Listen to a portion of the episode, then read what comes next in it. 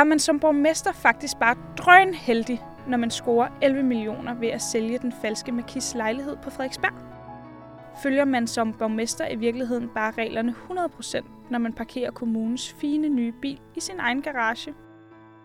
Er der bare tale om en virkelig uheldig fejl fra borgmesterens side, når man får fingrene i en attraktiv byggegrund lige for næsen af de lidt for almindelige borgere Tina og Palle?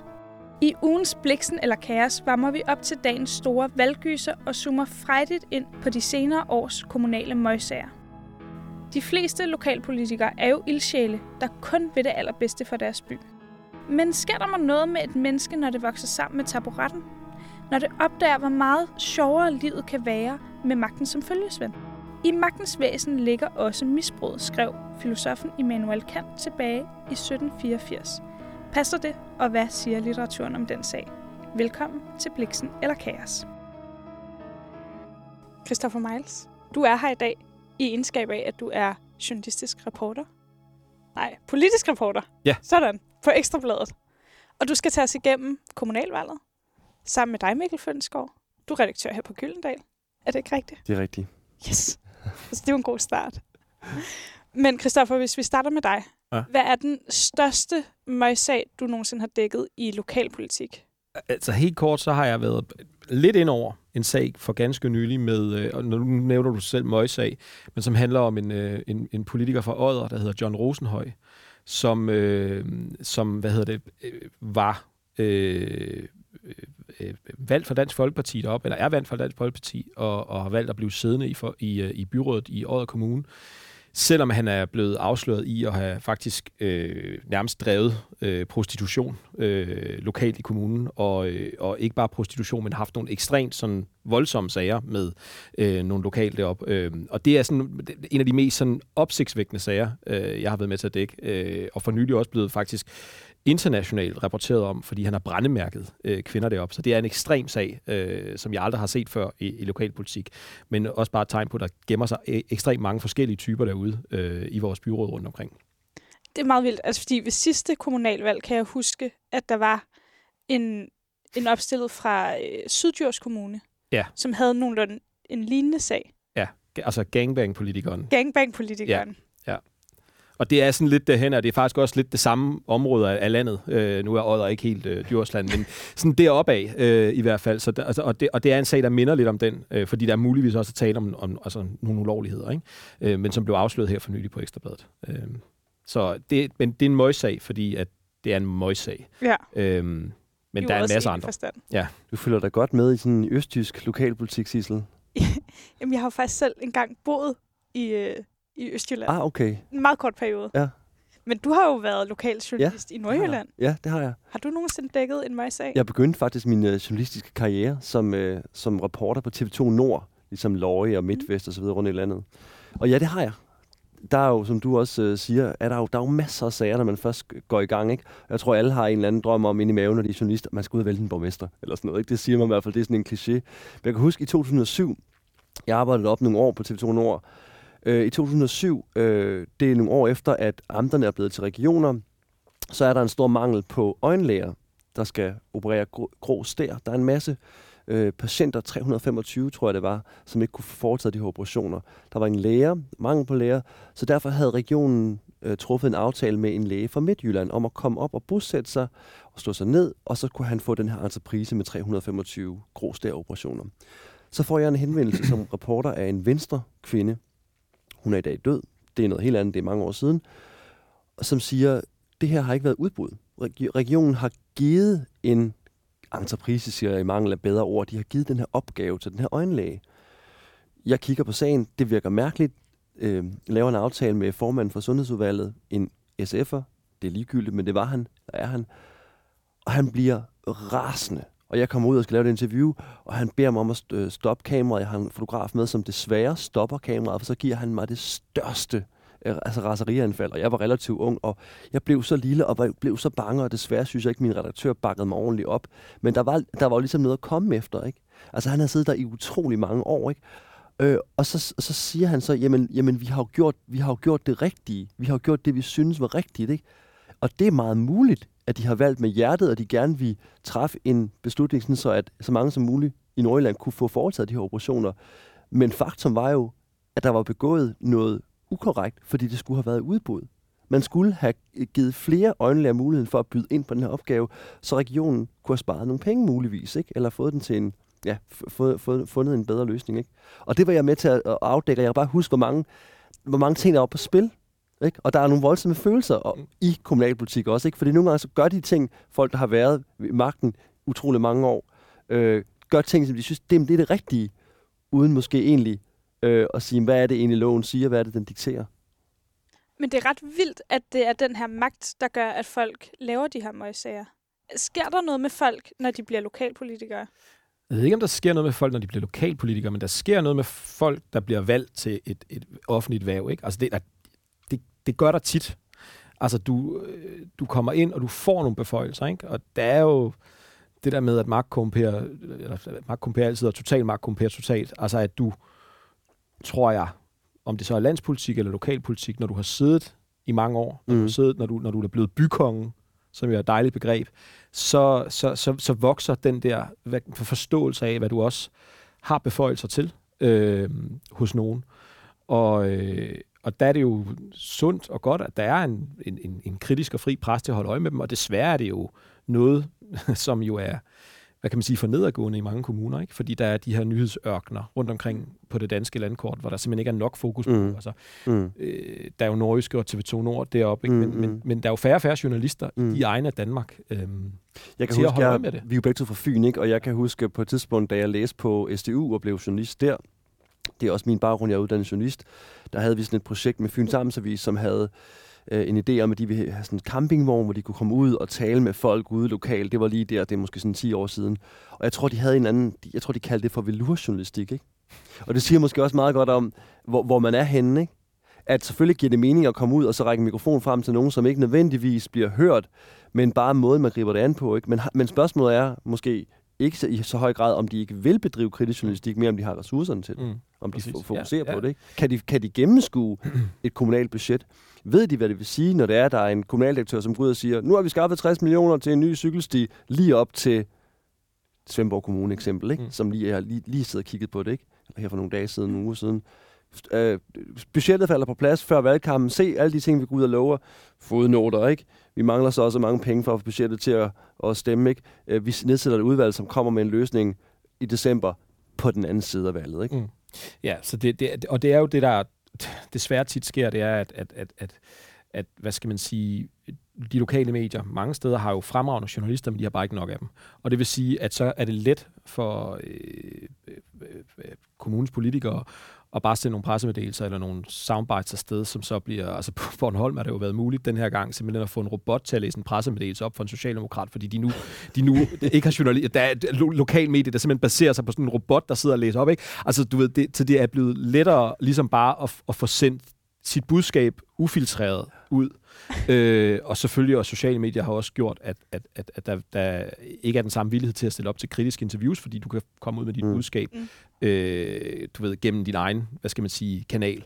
Øh, og det, det gør bare, samtidig med, at der bliver færre og færre journalister lokalt, at der måske er flere og flere møgsager, der glider under radaren. Øh, og, øh, men også, at det er jo altså, når man er journalist, er, er skide interessant og, interesse- og, og beskæftige sig med lokalpolitik. Mm. Også når man sidder på et landstækkende medie, som, som jeg gør på Ekstrabladet, øh, og som flere andre medier også, de store morgenaviser har begyndt at oprette Københavner-redaktioner for at fokusere på kommunalvalget i København, mm. ikke? Øh, og, og i øvrigt i de hovedstadskommuner, som de, de dækker. ikke. Men det er et problem generelt i landet, at der ikke er nok til at, mm. at kratte i, hvad mm. der sker lokalt. Mikkel, du er her jo i kraft af, at du er redaktør på Selveste mm. Gyldendal. Mm.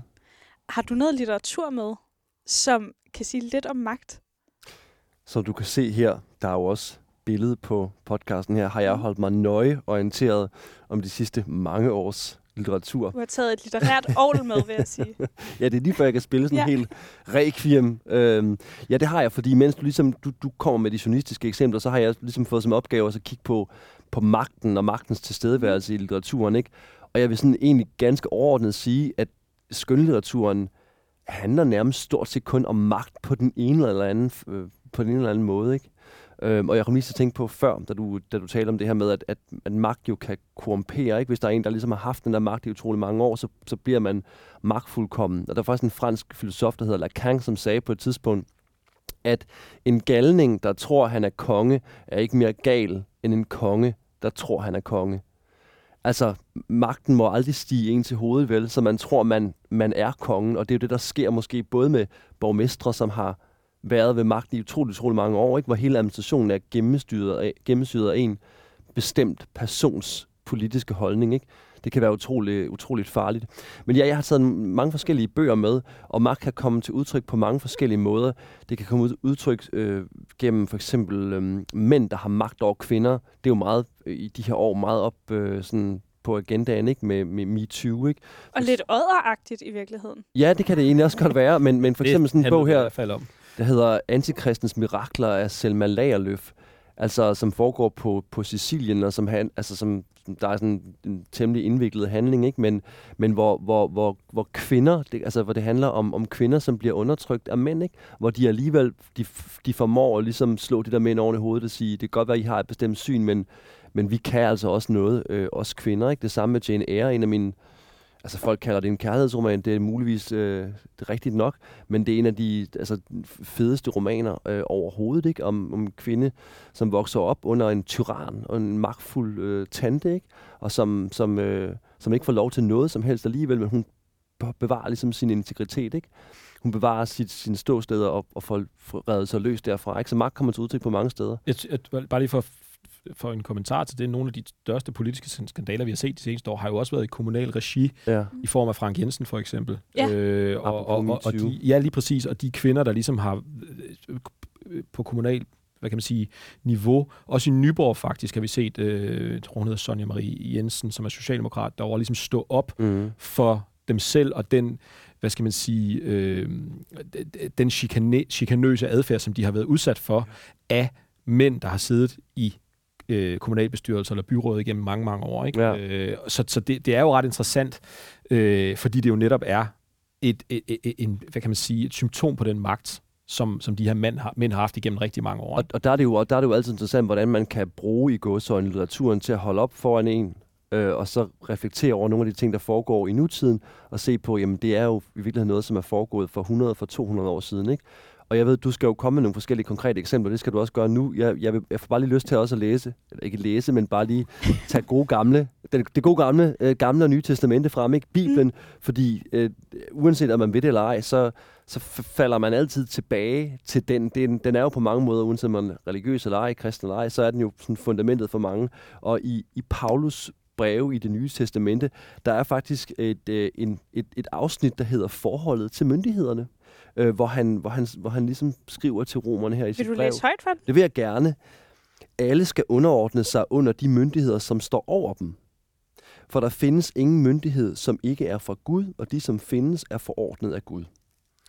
Paulus har selvfølgelig et gudsbillede, ikke? og han tog en ren flag. Det er ligesom Gud, man er underlagt. Ikke? Men altså oms, oms, omsat eller oversat til nutidig sprog, ikke? så er der jo ikke nogen, der er over loven, vel? Mm. Øh, og det synes jeg, det er super interessant, og det var jo, altså lige Paulus brev var stor inspiration for Luther, og det var en hjørnesten i, i protestantismen. Han taler om det her med, altså med øvrigheden, som er dem, som har, øh, som har magten, ikke? at de skulle ligesom være til for de lovlydige, og dømme dem, som ikke var lovlydige. Mm. Ikke? Og det interessante er så, når magten selv begynder at, hvad skal man sige, forbryde sig mod dens egen Lige præcis. pr- principper, ikke? Og det er jo, det, det er jo derfor, det er så... Altså, hvis- du, altså, alt er jo rent i sit princip, ikke? Altså, altså, udgangspunktet for en myndighed er jo selvfølgelig, at den er ren.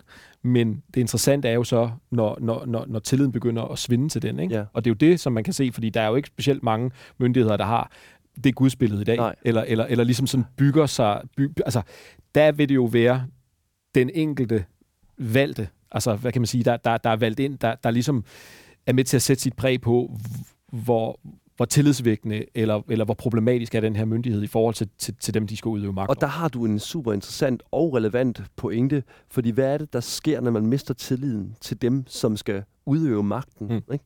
Jamen så er det, der opstår alle mulige konspirationsteorier, og så vender folk sig væk, så får du en polarisering, en splittelse i befolkningen.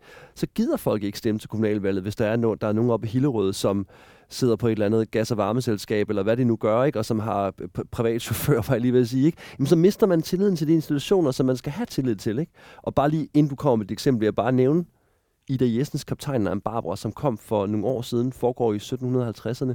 Mand, der hedder Ludvig van Kalen, som tager fra øh, hovedstaden og til heden for at opdyrke den. Øh, den er baseret på historiske fakta. Der er meget, der er op, opfundet. Ikke? Han forsøger at, at dyrke kartofler osv. Det lykkes ikke særlig godt. Nå, men han, skal, han skal måle op landmåler, ligesom Lykkepæt. Det kan være, vi kommer tilbage til ham. Skal sættes nogle skældsten eller skældpæle øh, mellem det land, som er kongen. Han repræsenterer kongen og udsendt af kongen Øh, så han skal ligesom afmærke kongens land, som han så får lov til at få et lille lod af at dyrke jorden. Og så en, en herremand på stedet, øh, det er op omkring viborg ved Hal, der hedder, øh, der hedder Schinkel, som er, som er så ond, så ond. Så I forestiller ikke nogen mere ond modstander øh, i, en, i en roman. Og Schinkel her, hvad er han? Han er udover at være ond og rig og gårdejer, så er han også landsdommer. Så når han skal ud og måle op, von Kalen, altså vores held, protagonisten her, ikke? Jamen, så, møder han, så støder han hovedet mod væggen, eller hovedet mod muren, ikke? når han kommer ind og møder Single der, som siger, at det kan godt være, at du er blevet bedt om at skulle mærke op her, men det er mig, der er loven. Mm. Ikke? Altså, så han er både den udøvende og dømmende, dømmende magt, ikke? Og der, det er et problem, ikke? Det er jo, det er jo korruption. Det er jo magt, øh, magtbegær. Ikke? Og det synes jeg er interessant, at man kan tage et eksempel fra 1750'erne og holde op mod nutiden og se, det sker stadig. Fordi, Christoffer, du har jo netop tre eksempler med. Ja. Og har du noget, som har med magtmisbrug at gøre? I, altså, jeg har i hvert fald noget der... Altså, magtmisbrug er jo igen... Det er jo, det, hvornår er noget magtmisbrug? Det er jo... Men ja, altså, man, vi, vi kan jo starte med det ene eksempel, øh, som mm. måske er... Øh, hvad hedder det? Øh, Rødovres borgmester. Ja. Nielsen, som jo var øh, borgmester indtil 2020 øh, i, i Rødovre Kommune og havde siddet derude som socialdemokratisk borgmester i den her Vestegns Kommune i et kvart århundrede og, og, eller mere, og var øh, en hvad kan man sige, sådan virkelig integreret del af, af, af sådan Vestegns politiske billede, og den her store, øh, stærke, stårte socialdemokrat, som samtidig også havde været øh, målmand på ishockeys, øh, øh, eller Rødovres ishockeyklub, mm. og derfor så ligesom sådan personificerede den her lille kommune på Vestegnen, men som samtidig havde øh, altså en styrke, ikke? Øhm, og, og, og, og der afslørede vi på Ekstrabladet øh, sidste år, eller forrige, nej, sidste år, øh, i begyndelsen af sidste år, at han havde fået øh, en borgmesterbil stillet til rådighed af, af Rødovre Kommune, og det er der sådan i og for sig ikke noget galt i, for nogle gange skal borgmesteren købe ud for rådhuset til forskellige møder og ud og i besigtige ting i kommunen, eller til møder med mm. KL herinde i København, eller så videre.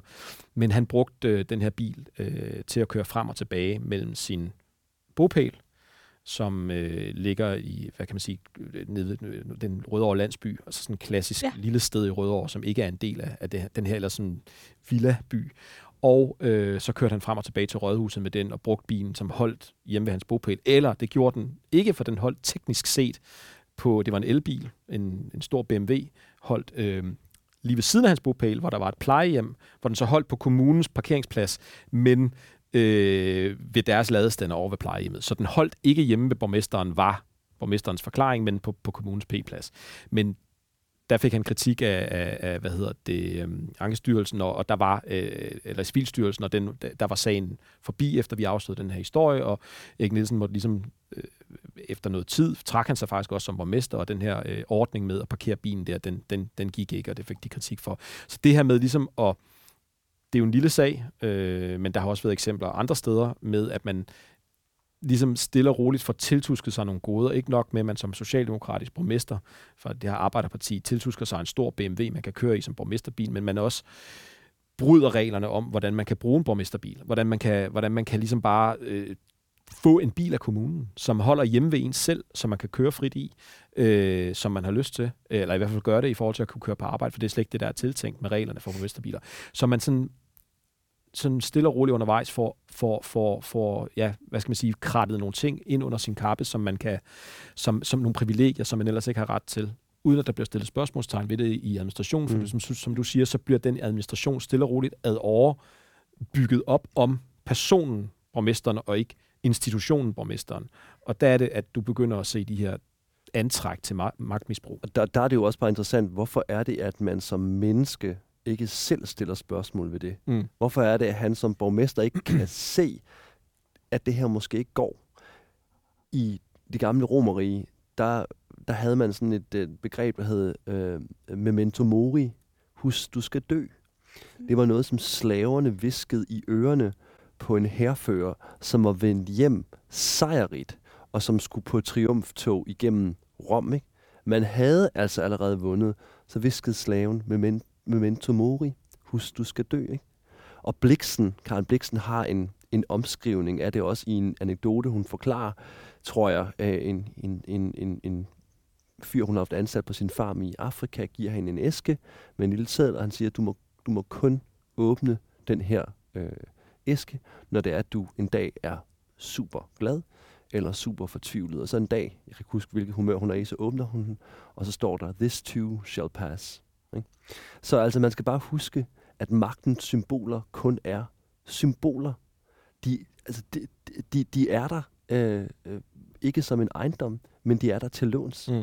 Ikke? Så, så, så her, hvorfor er det, at han ikke tænker som, som, som menneske, at det er en god idé, at jeg Mm. får en bil, er det en god idé, at jeg får en meget, meget dyr elbil af mærket BMW, og får den parkeret, så det virker spekulativt få 100 meter fra hans bopæl. Skal vi i virkeligheden sende noget antik litteratur til borgmesterne efter Det kommunalvalget? kunne, det kunne man godt gøre. Jeg, jeg vil i hvert fald, hvis jeg skulle anbefale øh, Erik Nielsen der, nu er han så gået af, at jeg skulle anbefale andre, som måske har lidt svært ved at og, øh, i tide forstå, hvad, hvad vil det sige at have magt, og hvad vil det også sige at skulle afgive magten. Jeg ved ikke, om vi kommer til Ishøjborgmesteren senere, øh, som jo, ja, det kan du forklare, ikke Men skal vi lige høre om Ishøj? Lad os, lad os høre om ham, så, kan kan, så, kan, jeg, ja. så vil jeg komme med, så vil jeg komme med en, en, en anbefaling til Ole Bjørstrup. Ole Børstrup, ja. Ja. en fantastisk karakter fra Ishøj, som jo igen også har siddet derude i en menneskealder i Ishøj.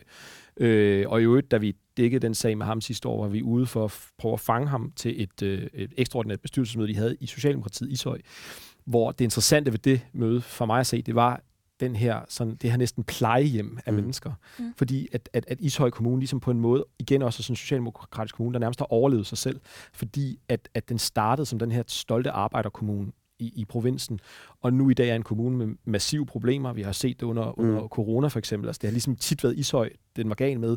Og det er, altså i hvert fald demokratisk set og politisk set, Socialdemokratiet, som har haft magten derude i rigtig, rigtig mange år, er en, en, en meget aldrende forsamling. Mm. Og Ole Bjørstrup er et godt eksempel på det. En, en gammel borgmester, godt op i 70'erne, som, og det er ikke ikke noget galt med det i øvrigt, men som ikke på noget tidspunkt har vi afgivet magten, heller ikke efter, at han blev afsløret. Mm. Mm. Også i en bilsag. Vi havde ligesom en helt perle af, øh, perlerække af bilsager på det tidspunkt. Øh, ikke mindst også, hvad hedder det, øh, Simon Pil, som er øh, viceborgmester op i Lyngby Kommune, som havde lånt en Ferrari af en lokal øh, bilforhandler. Så, så, så der, har, der har været mange af de her borgmesterbilshistorier, men Ole Bjørstrup, det var noget mere beskeden bil dog, end den her, øh, jeg kan ikke engang huske, om det var Mercedes eller en BMW. En- en. Åbning Nielsen.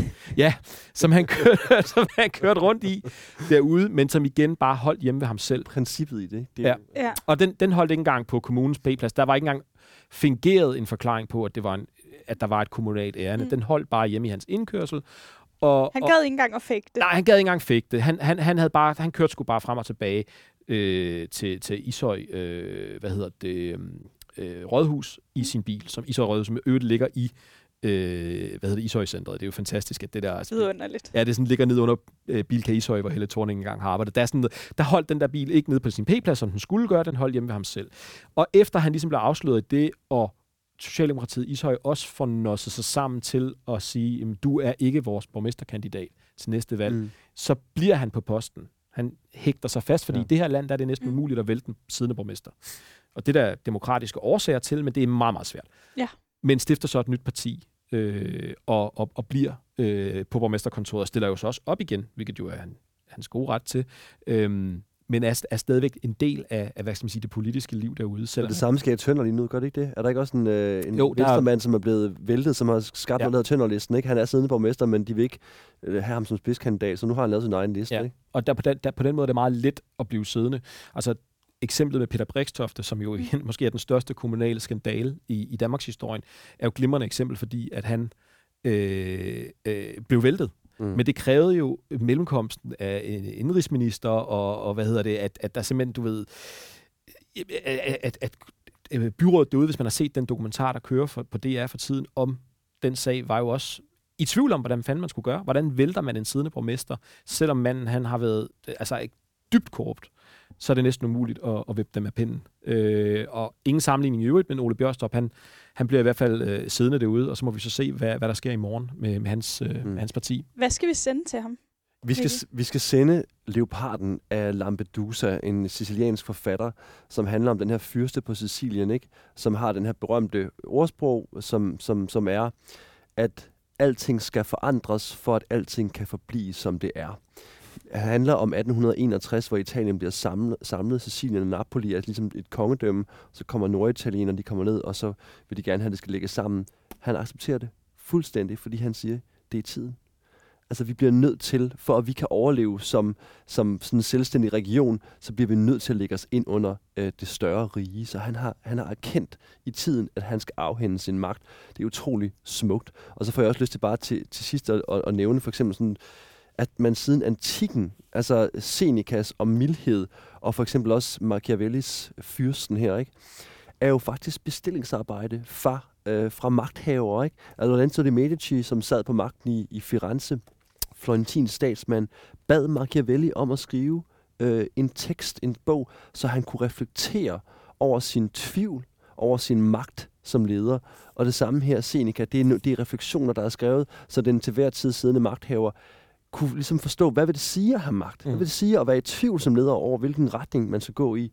Så det er faktisk en utrolig gammel disciplin, at man har grebet ud efter ordet for, for at forstå øh, for at forstå sig selv. Ikke? Jeg synes, det interessante ved, ved, at du har den her med, det er også, at den her, den er jo, den er jo øh, simpelthen nærmest bliver, bliver, bliver, bliver læst som en instruktion at have magt i ungdomspolitik i det her land. Altså det er sådan en bog, øh, som jeg ved, for eksempel Thor Møre, mm. øh, ja da han var SFU'er, inden han blev minister, uden at være valgt til Folketinget, jo brugte til, men, men, men brugt mere til at se, hvordan kan man praktisk gribe ud efter magten og ja. fastholde magten, mere end, end, end, end en ydmyg. Altså mere end det, den egentlig måske og, er til, og tiltænkt. En, øh, en af de seneste oversættelser, der har Anders Fogh Rasmussen faktisk skrevet forord. Ja. Til, til Machiavelli. Til Machiavellis ja. fyrsten, hvilket jo også ja. øh, er ret interessant. Ikke? Altså. Men den kan ligesom bruges på, på flere måder, ja. for den, den bliver brugt som en, en relativt kynisk instruktion i, blandt mange politikere, ja. hvordan, hvordan kan man egentlig tænke magt? Ja, hvis du har en konkurrent, er det en god idé at holde den her konkurrent tæt, ja. øh, tæt ja. til dig, eller skal du frastøde, frastøde vedkommende? Ikke? Altså, hvad, hvad får du ud af, hvis du,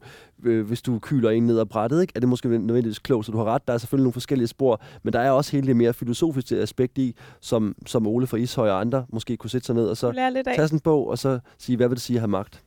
Inden vi slutter, så har jeg brug for, at vi kommer til Frederiksberg. Ja. Hvis det er okay med jer to. Ja. Var dejligt Hvad er det, der sker der? Jeg har boet på Frederiksberg. Ja. Ja. jamen, så bliver du jo glad. øh, jamen altså, der, sk- der sker jo det på Frederiksberg, at, øh, at, at, at, øh, at der har været en, en borgmester siden, øh, altså i over 100 år, øh, som kom fra det konservative Folkeparti, og det er der måske en udløbsdato på. Det får vi jo så at se øh, efter det her kommunalvalg, om, om de formår at, at holde på magten. Men den meget unge borgmester derude, som jeg er sikker på, og så læste den her bog, for det ved jeg, at de også gør i konservativ ungdomshed med Simon Akkersen, mm. øh, som er 34 år. Han har jo... Øh, øh, udover at de konservative, at mere demografiske årsager er presset på Frederiksberg, der flytter mange unge mm. til, mange mm. røde øh, vælgere til, så øh, har han jo også, som vi afslørede sidste år på Ekstrabladet, øh, lavet århundredes bolighandel øh, ved at købe en 460 kvadratmeter stor lejlighed på Frederiksberg Allé øh, af, øh, eller ved at hjælpe Marquis de Sartre, eller Marcel de Sartre, som han hedder. Som mange, falske marquis. Den falske marquis, som mange måske kender, øh, ud af, af den lejlighed, hvor han havde boet siden 70'erne og holdt legendariske fester på mm. Frederiksberg, og fandt en anden lejlighed til ham nede ved Søerne. Og så overtog han den her lejlighed, købte den af øh, udlejeren til Marcel de Sartre, som er en bibelskole, og begyndte nærmest med det samme at dele den op i to indrettede den og renoverede den, solgte dem hver for sig og, og nåede at tjene øh, på papiret 16 millioner, og efter forbedringer i hvert fald et godt stykke over 11, måske 12 millioner kroner på de her to lejligheder, inden han så selv flyttede i, ud i en kæmpe villa på, på Drosselvej på Frederiksberg. Så altså, han, han har simpelthen lavet det her enorme øh, boligkup, øh, hvor han har tjent øh, skattefrit 250.000 om måneden i den periode, hvor han ejede lejlighederne. Det er der måske ikke noget ulovligt i. Måske øh, er der et skattemæssigt spørgsmål. Det kan vi ikke rigtig få svar på fra ham. Men, øhm, men det er i hvert fald lovligt nok at gøre. Men spørgsmålet er, om det moralsk mm. øh, er noget, som vælgerne de øh, vil kvittere for, når man ved, hvor svært det er at finde boliger på Frederiksberg, og hvordan at han også har tordnet mod øh, boligspekulation. Og det der hy- hykleriske spor, det er jo også noget, som tit kendetegner, hvad skal man sige, en god politisk saftig skandal. Mm. Det er, øh, du ved, do you practice what you preach? Ikke? Ja. Og Mm. det er jo så det, han vil nok, mange nok mene ikke har gjort i den her sag. Man skal, man skal passe utrolig meget på, tiden er sikkert gået og alt muligt andet, men, men jeg, jeg, jeg får bare lyst til at sige, at man skal passe så utrolig meget på, at magten ikke korrumperer, øhm, fordi at det skaber en mistillid til, øhm, til systemet og til, til dem, som har magten. Ikke? Vi mister simpelthen tilliden til sådan en som for eksempel Akkesen, ikke? uanset om det er korrekt eller ej, så er det ligesom set i den, det store perspektiv på den store klinge, øh, er det et kæmpestort problem. Ikke? Jeg kommer også til at tænke på nogle ord af Pippi, gode gamle Pippi, altså Lindgren, ikke? som jo siger, når man er meget, meget, meget stærk, skal man også være meget, meget sød. Mm. Og, og altså, det er jo rigtigt, ikke? Men altså, det, man skal, man skal huske, når man har den her magt og forvalter den, ikke? Altså, hvad er det minister betyder? Det betyder tjener, ikke? At man skal være, have den her ydmyghed over for magten, fordi den kun er til låns. men er det i virkeligheden ikke der, vi skal slutte? Christoffer Miles, tusind tak, fordi du vil komme. Selv tak. Tak, Mikkel Fønsgaard. Jeg tror, jeg vil opfordre til, at man lige tager en Machiavelli-detox, og måske læser Astrid Lindgren i stedet. Det kunne man også gøre, når man kunne læse Lykkepær eller Tove Ditlevsen eller på en top af den. Der er så meget magt i litteraturen, man kan reflektere over. Du har lyttet til Bliksen eller Kaos. Bag programmet stod Peter Lindskov Pedersen, Michelle Tubæk Gram, Jonas Kappel Lund og jeg, din vært, Sissel Astrid Kirtomor. Tak fordi du lyttede med.